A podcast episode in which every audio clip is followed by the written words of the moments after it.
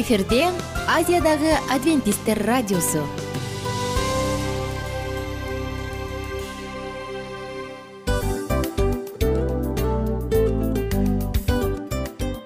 Достор салют. Баардык сүйүктүү угармандарыбызга салам айтабыз. Кутман күнүңүздөр менен. Ден соолук өмүрдүн булагы демекчи саламат саамы программасында баарыңыздарды көргөнүбүзгө абдан кубанычтабыз. Анда алгач амандашып өтөлү арбаңыздар деп. Ден соолугуңуздар кандай элибизде көбүнчө ден соолук кандай дегенде эле жакшы деп жооп беребиз э? ооруп турсак дагы жакшы дейбиз. Анан мен муну айтып ойлойт элем бул абдан сонун сөз депчи анткени бул жакшы деген үмүт да э ооба баары жакшы болот баары сонун. Деп үмүттөнүп атып эле өзүбүздү өзүбүз дарылап коебуз. Анысы кандай? Сиздин дагы ден соолугуңуз жакшы беш деген үмүттөбүз чындыгында ден соолук бул өмүрдүн булагы деп бекеринен айтылган эмес деп ойлойм. Кыргыз элинде анткени эгерде ден соолук жок болсо анда адамдын жашоосунда калган баардык керектүү маңыздуу нерселер өзүнүн баалуулугун жоготуп коет. Ошондуктан ден соолук бул эң керектүү нерсе. Ооба туура айтасың кесиптешим. Чынында ден соолугуң жок бир эки үч күн ооруп калсаң эле э кандай болуп калат? Жашоодо көз каранды болуп каласың көп нерсеге жетишпей каласың көп нерсени кыла албай каласың жада калса эшикке дүкөнгө да чыга албай каласың. Туптуура анан ден соолук болсо демек биз биздин бактыбыз тоодой деп койсок болот. Анда достор саламат саамы рубрикабызды баштайлы. Алдыда өзүңүзгө керектүү болгон сонун кеңештерди уга аласыздар. Мына ошондуктан биз менен бирге болуңуздар. Ал эми биз болсо милан жана айнура. Кеттик алга. Алга саламат саама ден соолуктун жарчысы. Саламат саама ден соолуктун ачкычы. Күн сайын сиз үчүн мыкты кеңештер сонун жаңылыктар кызыктуу фактылар биздин рубрикада.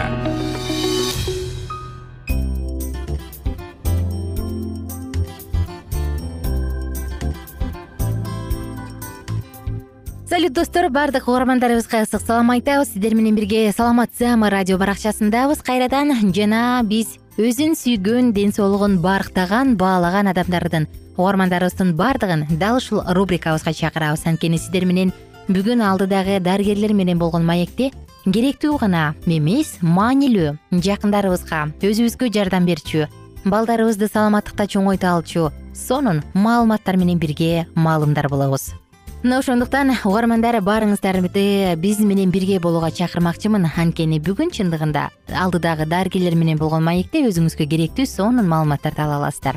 Достор адамда биринчи байлык ден соолук деп бекер айтылган эмес э? Мына ошондуктан биринчи эң керектүү болгон байлык бул биздин сиздин ден соолугуңуз үстүңдөгү үч кабаттуу үй алдыңда беш түрлүү машина кымбат баалуу унаалардан эч бир пайда жок. Эгерде ден соолук болбосо. Ошондуктан угармандарыбыздын баардыгына бекем ден соолук каалоо менен бирге биз саатыбызды баштадык. Алдыдагы маалыматтар сиздер үчүн. Достор эгер суроолор болсо сөзсүз түрдө саламат клуб сайтынын ютуб каналына кирип ал жакка комментарий калтырып суроо жөнөтсөңүз болот. Биз сиздин сурооңузду жоопсуз калтырбайбыз. Жагымдуу мүнөттөрдү бирге тосолу кийинки сурообуз бар. Бизде көрөрманыбыздан келген мындай дейт. Варикоздон кантип айыксам болот деп аймерим жөнөткөн. Варикоздун дагы түрлөрү болот. Мисалы үчүн жеңил түрү орто түрү оор түрү болот. Андан соң ошол варикоздун баягы ошо кан тамырлары канчалык кеңейгенин көрүш керек. Бул биринчи иретте узи өтүш керек ошо кан тамырларын. Андан соң ошол белгилерге байланыштуу э, дарыласа болот. Мисалы үчүн эгер жеңил түрү баштапкы түрү болсо аны э, баягы атайын дарылар бар. Андан соң баягы чулки деп коет ошолорду кийип андан соң айыгып кетсе болот. А эгер оор түрү болсо аны операция гана жол менен дарылаш керек. Эгерде өтө эле катуу күчөп кетсе. Ооба. Жакшы. Тонуста дайыма болуш үчүн эмне кылыш керек деп бакыт аттуу угарманыбыз жөнөткөн эң жакшы жолу бул көнүгүүлөрдү жасоо мисалы үчүн э, күнүнө канча мүнөт мүмкүн э, бул мен ушул маалыматты мындай тагыраак айтканда дүйнөлүк саламаттык уюму э, баягы айткандай тонуста жүрүш үчүн бир жумада кеминде үч жүз жетимиш беш мүнөт калп айтпасам ошол көнүгүүлөрдү жасап туруш керек экен да. Ушул үч жүз жетимиш беш мүнөттү ошондо бир саатта алтымыш мүнөт болсо үч жүз жетимиш беш бул демек төрт сааттан ашык төрт саатты ошону бир жумага бөлүп коюш керек. Мисалы үчүн ошол бир жумада кырк мүнөткө бөлүнүп калат. Э, мындай бир күндө бир жумада үч маал болсо ошол бөлүп койсок болот да. Ошол учурда атайын көнүгүүлөр жасап чуркап бассейнге деле бул сөзсүз түрдө бир эле кыймыл эмес. Баягы ар бир адамдын өзүгө сүйүктүү бир көнүгүүлөр болот да. Бирөө чуркаганды жакшы көрөт бирөө бассейнге барганды жакшы көрөт. Ошого салыштырып эле баягы жасаса болот. Негизи ушул кыймыл жөнүндө мен уктум эле да. Адам качан баягы тер дегенде анда энергия күйгүзүлө баштайт. Ошол кыймыл болуп саналат депчи. Бул баягы жеңил гана көнүгүү жасап же жеңил гана отуруп туруп эмес э ушул сыяктуу. орустар айтмакчы движение это жизнь дегендей эле ошо сөзсүз түрдө кыймылдап турушубуз керек. Полиартритти алдын алуу жөн гана дене тарбияга байланышпы деп милан аттуу угарманыбыздан келген. Э, бул ошол э, дене тарбия жана кошумча дагы факторлор бар. Мен айтып кеттим туура тамактануу баягы тузду азайтуу э, баягы майлуу ачуу тамактарды азайтуу жана салмак көп салмактуулукту азайтыш керек болот да. Ушул жерден сизге кошумчалагым келип турат. Жана жогоруда инфекциялык жугуштоолорду дедиңизби э мен ойлойм да эгерде кандайдыр бир симптом бар болсо анда дароо айыккан жакшы э. Болбосо бул канчалык канчалык деңгээлде баягы сергек жашоо образын сактаганга аракет кылбай. Эгерде инфекция бар болсо дал ушул оорусун алып келиши ооба ушул жерде сизге да мен айтып кетсем баягы полиартриттердин дагы мындай э, өткүр формасы болот анан өнөкөт оорусу болот да. Өткүр формасыны дарыласа болот. Острый деп коебуз. Ооба острый деп коебуз орусча өнөкөт оорунда болсо ошол жанагы мен айткандай инвалид инвалидностька дагы алып келиши ыктымал да кийинки дагы сурообуз бар улгайган апамды полиартритин кантип жоготсок болот? дейт. Жана сиз айтып кетпедиңизби полиартритти дарылоонун толук жолу жок бул бир гана ошол э, ооруну бир аз азайтса болот. Эгер мисалы үчүн э, көп салмактуулук болсо ошол азайтканга аракет жасаш керек себеби биздин э, ата энелерибиздин көбү баягы көп салмактуулук менен жабыркашат жабыркашат. Ошондуктан биринчи жолу бул ошол көп салмактуулукту азайтыш керек көнүгүү жасаш керек. Мисалы үчүн көбү бар да муундарым ооруйт дейт дагы анан кыймылдабашым керек дейт. Бул туура эмес көрүнүш. Сөзсүз түрдө кыймылдаш керек. Кыймылдаганда гана биз ошол ооруну балким мындай жеңилирээк түрүнө өткөрүп салышыбыз мүмкүн да. Жакшы. Анан апаларды апалар деп айтып атпайбы мен бир ортопедден уктум элем жана эле холодец барго ушул сыяктуу кайсы жерде баягы былжыр кайсы жерде хяшты кемирчекти калыптандыра турган азыктар болсо ошол нерсени дагы өзүңдүн рационуңа кошкон маанилүү деп да айтышат экен. Анан көбүнчө жана ушул жерден сурагым келип турат. Сезгенүүгө каршы маздарды алып алып сүйкөшөт эмеспи апалар өзгөчө? бул кандай туурабы жардам береби канчалык бир деңгээлде? Бул жерде албетте ал жардам берет бирок эгер сизде мындай өткүр формасы болсо же мындай өтүшүп кеткен формасы болсо бул абдан аз жардам берет да. Ал үчүн прям толук жардам бериш үчүн бул жерде баягы уколдорду дагы алыш керек. Болот сиз жана э, неме деп айтып кетпедиңизби минералдар деп жазат.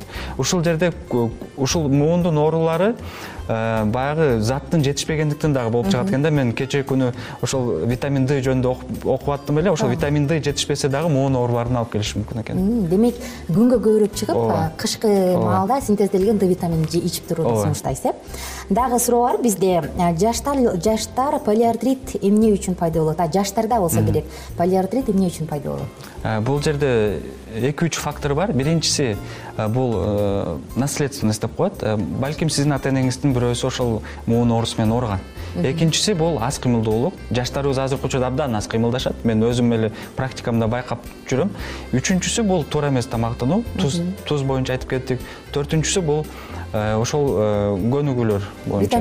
Витаминдин жетишсиздиги андан соң көп салмактуулук биз сиз айтып кеттиңиз го баягы фаст фудтарды көп жейбиз ошол ошонун айынан ушул полиартриттер келип жатат. Рахмат жакшы жооп болду достор биз кызыктуу мүнөттөрүбүздүн соңку мүнөттөрүндөбүз соңку учурларындабыз соңку гана көз ирмемдер калды угармандарыбыздын ар бирине кааларым бекем ден соолук ден соолук бул сиздин ааламыңыз. Эгер э, бут кийимдин тар болсо дейт бут кийимиң анда дүйнөнүн кенендигинен кандай пайда дейт? Анысы кандай?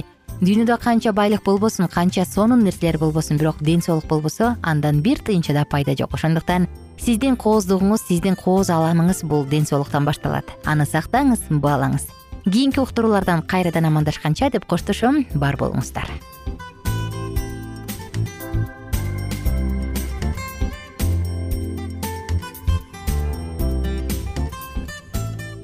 кененирээк маалыматтар үчүн үч w чекит саламат чекит клуб сайтына келип таанышыңыздар. Жана андан тышкары социалдык тармактарда youtube facebook жана instagram баракчаларына катталыңыз. Саламат саама ден соолуктун жарчысы. Саламат саама ден соолуктун ачкычы. Күн сайын сиз үчүн мыкты кеңештер сонун жаңылыктар кызыктуу фактылар. Биздин рубрикада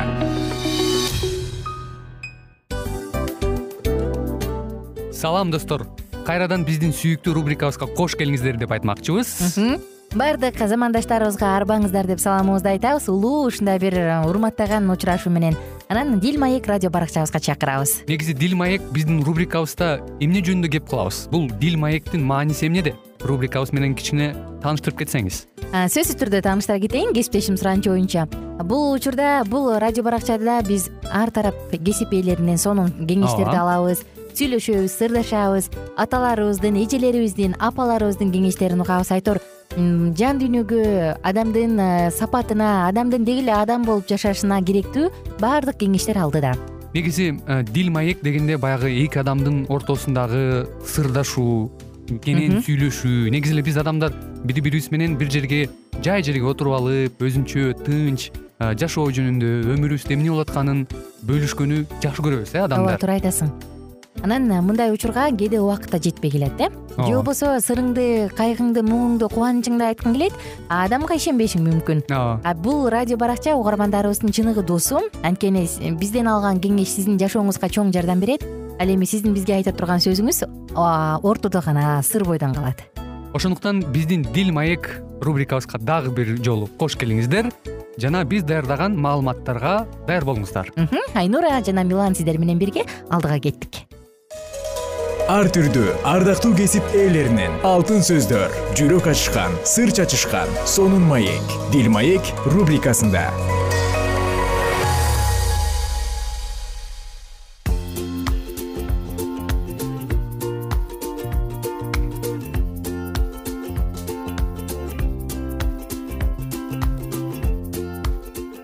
күнүңүздөр менен урматтуу угармандарыбыз. Кайрадан эле биз дил маек туурасында кездешип жатабыз. Э, кызматыңыздарда мен улан жана ошондой эле менин кесиптешим айнура салют достор баардык угармандарыбызга сагынычтуу салам. Сиздер менен бирге жагымдуу маанайда кайрадан дил маек уктуруусундабыз. Жана кесиптеш биз мурунку уктуруубузда үй бүлөдө кечиримдин ролу жөнүндө сөз кылып атканбыз э? Бүгүн дагы ойлоп атам ушул эле теманы андан ары уланталы деп. Кандай сөзсүз түрдө абдан жакшы болот. Чындап эле бул бири бирибизди үй бүлөдө кечире билүү жана кечиримдүүлүккө үйрөнүү абдан жакшы мыкты сапат деп мен эсептейм. Андыктан бул туурасында угармандарыбызга да абдан кызыктуу болот болуш керек мурунку уктурууларыбызда эркек эмне үчүн кечирим сурагандан тартынат. Эмне үчүн биринчи эле кадам таштап кечирим сурай албайт дегенде бир нече себептерди караганбыз ооба. Аял затыныкын да караганбыз мен ойлойм бул нерселердин баардыгын эске алуу менен аялдар сен кечирим сурабасаң мен сага тамак бышырып бербейм дегенден бир аз баш тартат болуш керек деп э? Эгер аял кечирим сурап жатса мына бул баягысын баштады акча керек болуп калган го деген ойдон эркектер бир аз болсо да баш тартса керек деп ойлойм анда үй бүлөдө кечирим эмнеге керек? Ошол жөнүндө сөз кылып көрбөйлүбү кандай дейсиң? Эмне үчүн үй бүлөдө кечирим керек? Абдан сонун сонун кызыктуу тема. Чындап эле э, үй бүлөдө эмне үчүн кечирим керек дегенде кечирим болбосо анда кантип мындай жашоо уланат деген ойго келип токтолосуң да? Эгерде ошол эки жубай бири бирине карата болгон кечирим э, мындай урмат сый болбосо бири бирин мындай э, ошол кечирүү аркылуу барктай албаса баалай албаса анда менимче кечирим жок үй бүлөдө мындай башаламандык күнү түнү мындайча айтканда дайымалуу өкүм сүрүп турат деген ойду айткым келип атат да. Эгер кечирим болбосо анда э, мисалы дүйнөдө деле бири бирине карата болгон кечирим болбосо э, жашоодо анда башаламандык жаралат эмеспи. Сен айтасың эстеп кеттим аял кечирет бирок унутпайт деп коет го э орус тилинде сөз бар го билесиңби абдан жакшы макал бар. Аял кечирет бирок унутпайт. Анан кийин урушкенде билесиңби өткөндө сен монтип ошондо дагы деп анан илгерки каталардын баарын айымдар негизи э? ушул нерсеге өтө мындай Маш келет. жана жөндөмдүү. Анткени канча жыл өтүп кетсе да ошону дайыма мындай эркек эскертип э? турат да баягыны билесиңби деп. ай достор ошондуктан мен ойлойм да кечирим мисалы жаратуучу дагы адамзаттын күнөөсүн кечиргенде кудайчы? Аны болуп көрбөгөндөй ал күнөө таптакыр болбогондой күнөөсү кызыл ушундай бир кочкул кызыл өңгө боегон аябай катуу күнөө болсо дагы аны аппапак кылып агартып ал болбогондой кылып туруп эскербейт экен да. Анан биз кийин кайра бир эми биз адамбыз да ката кылып алганда кудай кечире көр дегенде билесиңби өткөндө сен дебейт экен да. Ал мурунку ошо биз жасаган күнөөбүз болбогондой сыяктуу кылып туруп эле жууп коет экен анан мен ойлойм да бул идеалдуу кечиримдин прообразы ушул болуш керек депчи ооба. Сен канча кийин окшош эле каталарды кайталаба канча окшош эле нерсе кылба эгер адам сенден чын жүрөктөн кечирим сурап атса чын жүрөктөн да анда аны улам улам эскерип билесиңби сен өткөндө? деген бул өтө эле туура эмес болуп калат го дейм. Баягы шакала чеккенсип э билесиңби? Деп туруп анан кайра кайра крючокко илип алып анан монтип айлантып ошол сыяктуу болуп калат го дейм. Бирок ал үчүн адам чын жүрөктөн кечирим сураганды билиш керек деп ойлойм. Мисалы ээ кечирип койчу э сен кечирим сурабасаң жаның тынбайт ушинте бересиң десе мен ойлойм аялбы эркекпи муну эч ким мындай кечиримди кабыл албайт деп э. Ооба сөзсүз түрдө э ушу кечирим эле керекпи сага а? Кечирип кой? Эме ала берчи деген сыяктуу мындай одолжение кылса бул да ойлойм бул мындай кечирим эч ким тарабынан кабыл алынбайт деп э? Ооба а кечирим сен эмне кечирим сурабайсың? Кечирим сура дедиртип эмес. Адам өзү мейли баягы чатакташып кеткенден бир талаш жаралгандан кийин убакыт өтөбү кайсы бир учурда өзүнүн туура эместигин сезип айбери соттоп анан мен жаман болуп калдым деп келип мындай моюн сунуп анан келип кечирим сураса мен ойлойм андай кечиримди уккан аял кандай гана аял болбосун кайра кайра эскербейт депчи. Анткени анын мындай өзүн басынтып келип атканын көрөт. Билбейм менин боорум ооруп кетет да мындай мамилени көргөндө менин боорум ооруп кетет дагы ооба деп мындай дароо эле экинчи үчүнчү кадамдар таштаганга шашылам да мен ойлойм мындай эгерде эркек ушинтип кечирим сурай турган болсо эркекпи аялбы анда мурунку мамилелерди кайра эстеп баягы улам мурунку нерсени көтөрүп чыга бербейт болуш керек ооба чындап эле баягы өзүң айткандай эски жараны кайра кайра сыйрып аны мындай кө- көзгө сайып көрсөтө бербейт деген ойду айткым же болбосо э кечирим сураганда биздин катачылыгыбыз кандай? Жана жогоруда айта кетпедим беле мисалы экөөбүз урушуп кетсек. Улан а, сен жана мага ушинтип айтканың үчүн менин ачуум келди. Ошон үчүн кечирип койчу. Бирок сен эгерде антип айтпасаң мен ачууланбайт болчумун десем сен мындай кечиримди кабыл албайсың. Анткени мен сени кайра эле сайгылап э, сенин кемчилигиңди көргөзүп атам э? Ооба. А туура кечирим суроо болсо мен ойлойм сенин кемчилигиң мейли оно болсун жүзөө болсун бирок менин кылганым туура эмес болду. Мен ушинтип айтпашым керек болчу десек бул бул туура мындай адекваттуу кечирим суроо го дейм ооба туура кадам э, десек болот. Э, чындап эле баягы кечирим суроо жаатында ошол сен маселе козгоп калганыңда жогоруда ойлоруң менен бөлүшүп атканда менде да ошол ыйык жазууга байланыштуу бир ой азыр мындай акылыма кайрадан мындай эскерүү болду де- десем болот да. Мисалы үчүн э, ошол кечирим суроо деген бул мындай экен да. Мисалы сүйүүгө дагы салыштырсак болот экен да. Чыныгы сүйүү бул шартсыз сүйүү дейт да. Мисалы бул агапа сүйүүсү деп аталат экен. Ошонун эле символикасы бул ошол символикасы бул агапа сүйүүсү деп мен айткым келет да. Анткени эч кандай шартсыз шарт койбойт э, жөн эле ошол э, жараткан жаратуучу дагы адамзатты ушунчалык мындай сүйгөндүктөн ал агапа сүйүүсү менен сүйдү дейт ошол сыяктуу биз бири бирибизге карата болгон жубайлык мамиледе ушундай бир кечиримди э, жанагы сен айткандай улам улам бир нерсени эскертип өтүп кеткен окуяларды кайра эске салып эмес тескерисинче баардыгын жабып э, шартсыз мындай кечирим менен кечиришибиз керек деген ойду айткым келип атат да. Эгер ушул нерсе биздин мындай жан дүйнөбүздө дайыма боло турган болсо анда дайыма жашообуз дагы жеңил болот деген э, мындай тилегим бар да. Туура айтасың абдан сонун э шартсыз кечирүү. Анан э, биз качан эмне кечиримдин кандай ролу бар дебедикпи кечиримдин дагы бир чоң ролу бул мамилени үзбөй бекем бойдон ого бетер бекемдеп сактап калуу дейм да? Эгерде мисалы мындай деле адам менен эгер сен ай бул адам бар жогум айырмасы жок деген адам менен чатакташып кетсең сен кечирим да сурабайсың сен мүмкүн кайсы бир кылган ишиң үчүн ойлонбой да калышың мүмкүн э? Ооба. Анткени ал адам менен сенин мамилең баалуу эмес кымбат эмес сен үчүн. Эгерде сен кайсы бир адам менен мамилеңди баалап бул адам мага кымбат десең анын жүрөгүн оорутуп алгың да келбейт анан мамилени да бузуп алгың келбейт э? Андай учурда кыйналсаң да аябай кыйын болсо да барып кечирим сурайсың анысы кандай? Баягы аял меники да алдымда кайда бармак эле. Баласы биякта баласы турса бүттү бул меники. Деп баягы менчиктик кылып э, бул аял да унчукпашы керек деген туура эмес нерсе ушул кечирим сурабаганга көбүрөөк алып барат да. Же болбосо аял э? Ээ күйөөм да эмне балдары турат каяка бармак эле балдарымдын атасы эртең кайра келет деп ушундай ой менен эркек да эмне бул э, мындай мынтип койбойбу күчтүүлүгүң эркектигин көргөзүп деген бир туура эмес ойлор аялдын кечирим сурабагандыгына көбүрөөк алып барат деп ойлойм да. А качан биз ушул мамиле көңүл деген нерсени баягы илиш шамбетов айтат го адам көңүлү кызыл гүл деп э ушул көңүл деген нерсени биринчи кезекке коюп жок мен бул адамдын мага карата оюнун өзгөрүлүшүн каалабайм мага карата сезиминин өзгөрүлүшүн каалабайм ооба бул анын милдети ал милдети милдети аны өзү аткарабы аткарбайбы иши жок. Бирок мен үчүн мамиле кымбат дей турган болсокчу анда ойлойм биз кечиримди чын жүрөктөн сурайбыз деп. Ооба туптуура ал эми бизге бөлүнгөн убакыт да өз соңуна келип жетип калды окшойт кесиптеш. Коштошобуз сиздер менен достор.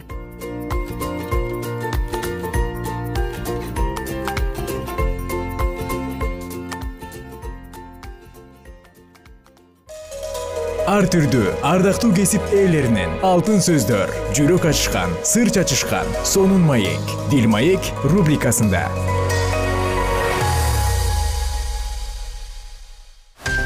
жан дүйнөңдү байыткан жүрөгүңдү азыктанткан жашооңо маңыз тартуулаган жан азык рубрикасы.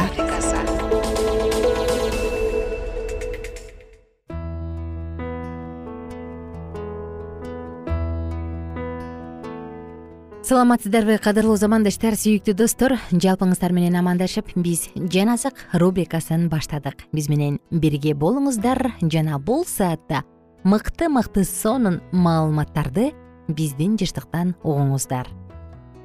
Жан дүйнөбүздү азыктандыруучу мыкты рубрикада биз аян китебин изилдөөнүн негизги жети себеби деп аталган теманы андан ары улантабыз аян китебин изилдеш керекпи? Аян китебин кайдан тапса болот?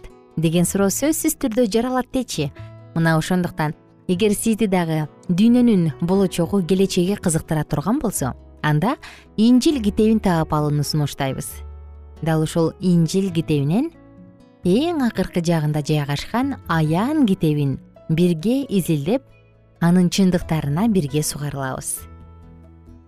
Достор мурунку уктурууну бир аз эске салсам биз аян китебин эмне үчүн изилдеш керек? деген теманын тегерегинде сөз кылганбыз. Аян китебинин изилдөөнүн негизги жети себептерин айтканбыз. Бир аз болсо дагы эске салып андан соң программаны уланталы. Эгер сиз ар бир адам айтканга ишене берсеңиз ар адам өзүнө жаккан гана маалыматты айтат. Ошондуктан анда адашып кетесиз дейбиз. Эгер сиз сөзү сөз закону закон айтканы айткан болгон жараткан кудайдын айткандарына ишенсеңиз анда адашпайсыз. Ал эми жаратуучу кудайдын сөзүн сиз аян китебинен окуй аласыз. Дагы бир жолу эске салайын эгер сиз аян китебин кайдан табам десеңиз анда инжил китебин алыңыз дагы эң соңку барактарында эң акыркы китебин ачыңыз. Негизи библияда жалпысынан алтымыш алты китеп бар. Ушул алтымыш алтынын эң акыркысы аян жыйынтыктоочу китеп. Мурунку уктурууларда патмос аралында жүргөн жакан аян көрүп аны жазгандыгын айтканбыз. Албетте бул машаяктын аяны болгон.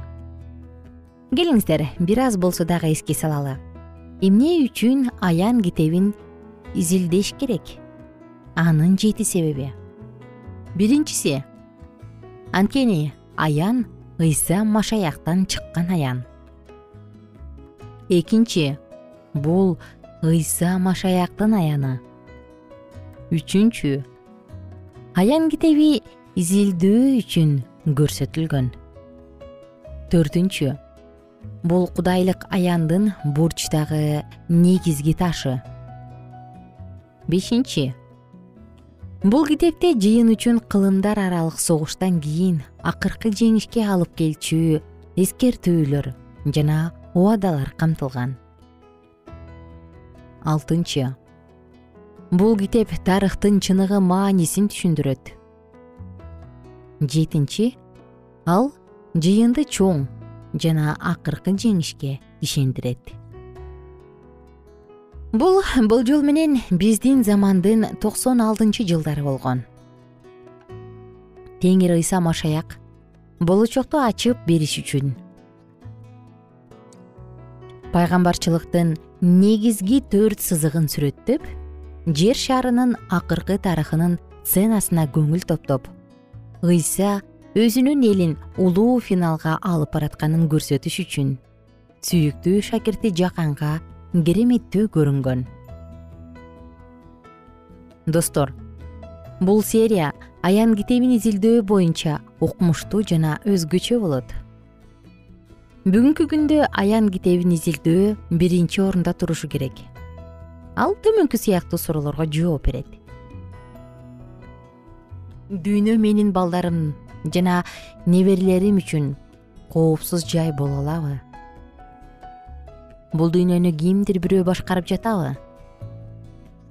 Болочок тууралуу ишенимдүү маалымат ала алышыбыз үчүн жакшы булак барбы? Кимге чындап ишене алабыз? Бул суроолорго жооп алгыңыз келеби? Болочок тууралуу ишенимдүү маалыматка жеткиңиз келеби анда сизди таң калыштуу аян китебин изилдөөгө чакырам. Бул китепте жазылгандай пайгамбарчылык сөздөр бизге түшүнүктүү болуш үчүн келгиле. Өзгөчө кабарды берген теңирден. Бизге китептин терең маанисин түшүнүүгө жардам берүүсүн өтүнүп сыйыналы. Келгиле сыйыналы. Кымбаттуу кудайыбыз жана теңирибиз. Биз өзгөчө китеп аян китебин окуп жана изилдөөнү баштайлы деп ниеттенип турабыз. Биз анын терең сырын түшүнгүбүз келет ошондуктан жүрөктөргө кайрылган сенин кабарыңды уккандан кийин кабыл алышыбыз үчүн акылыбызды ачышыңды суранабыз.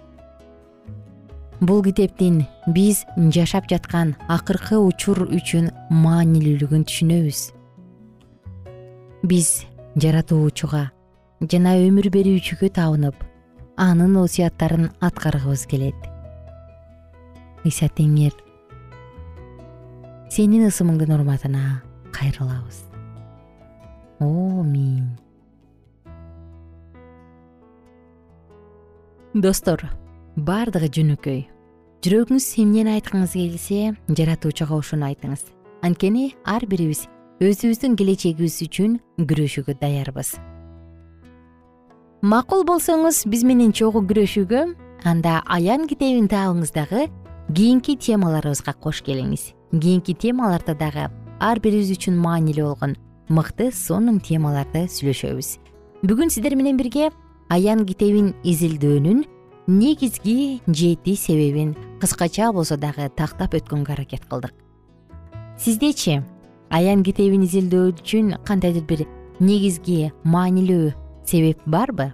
Эгер бар болсо анда киришиңиз жана китепти изилдеңиз. Достор жалпыңыздар менен коштошобуз. Кийинки уктуруубузда дагы маанилүү маалыматтар сонун маалыматтардын баардыгы бир гана сиздер үчүн орундалат саламатта туруңуздар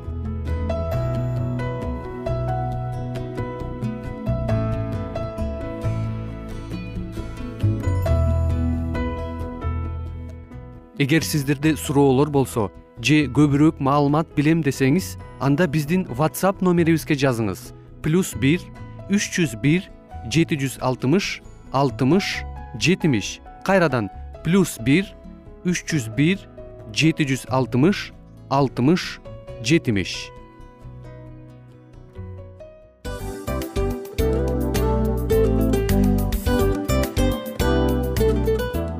достор биздин радио баракчаларыбыз соңуна келди. Демек бул программабызды дагы жыйынтыктачу учур келдик. Учурга келдик. Анан кесиптешимден сурагым келип турат. Негизи эле иштин башталып атканы кубандырабы сени же жыйынтыгы кубандырабы албетте жыйынтыгы. Себеп дегенде сен кылган ишиңдин жыйынтыгын көрүп э, баягы мөмөсүн көрүп дегендей жыргайсың жүрөгүң жемишинен тартып э кандай даамдуу деп. Баягы буудай сепкенде эмес буудай эгинди жыйнагандан кийин ысык нанды жегенде кадимкидей ырахаттанасың го. Ой айтпа туура айта кеттиңиз. Сонун салыштыруу болду анан мен дагы абдан кубанып турам. Анткени биз угармандарыбыз үчүн аябай эмгектенип келген уктуруубуздун соңуна келип калдык анан эми уктуруубуздун соңунда угармандар кандай пайда алып калды экен деп күтүп турам да. Балким э, менин жашоомо өзгөрүү киргизе турган сонун сөздөр болду.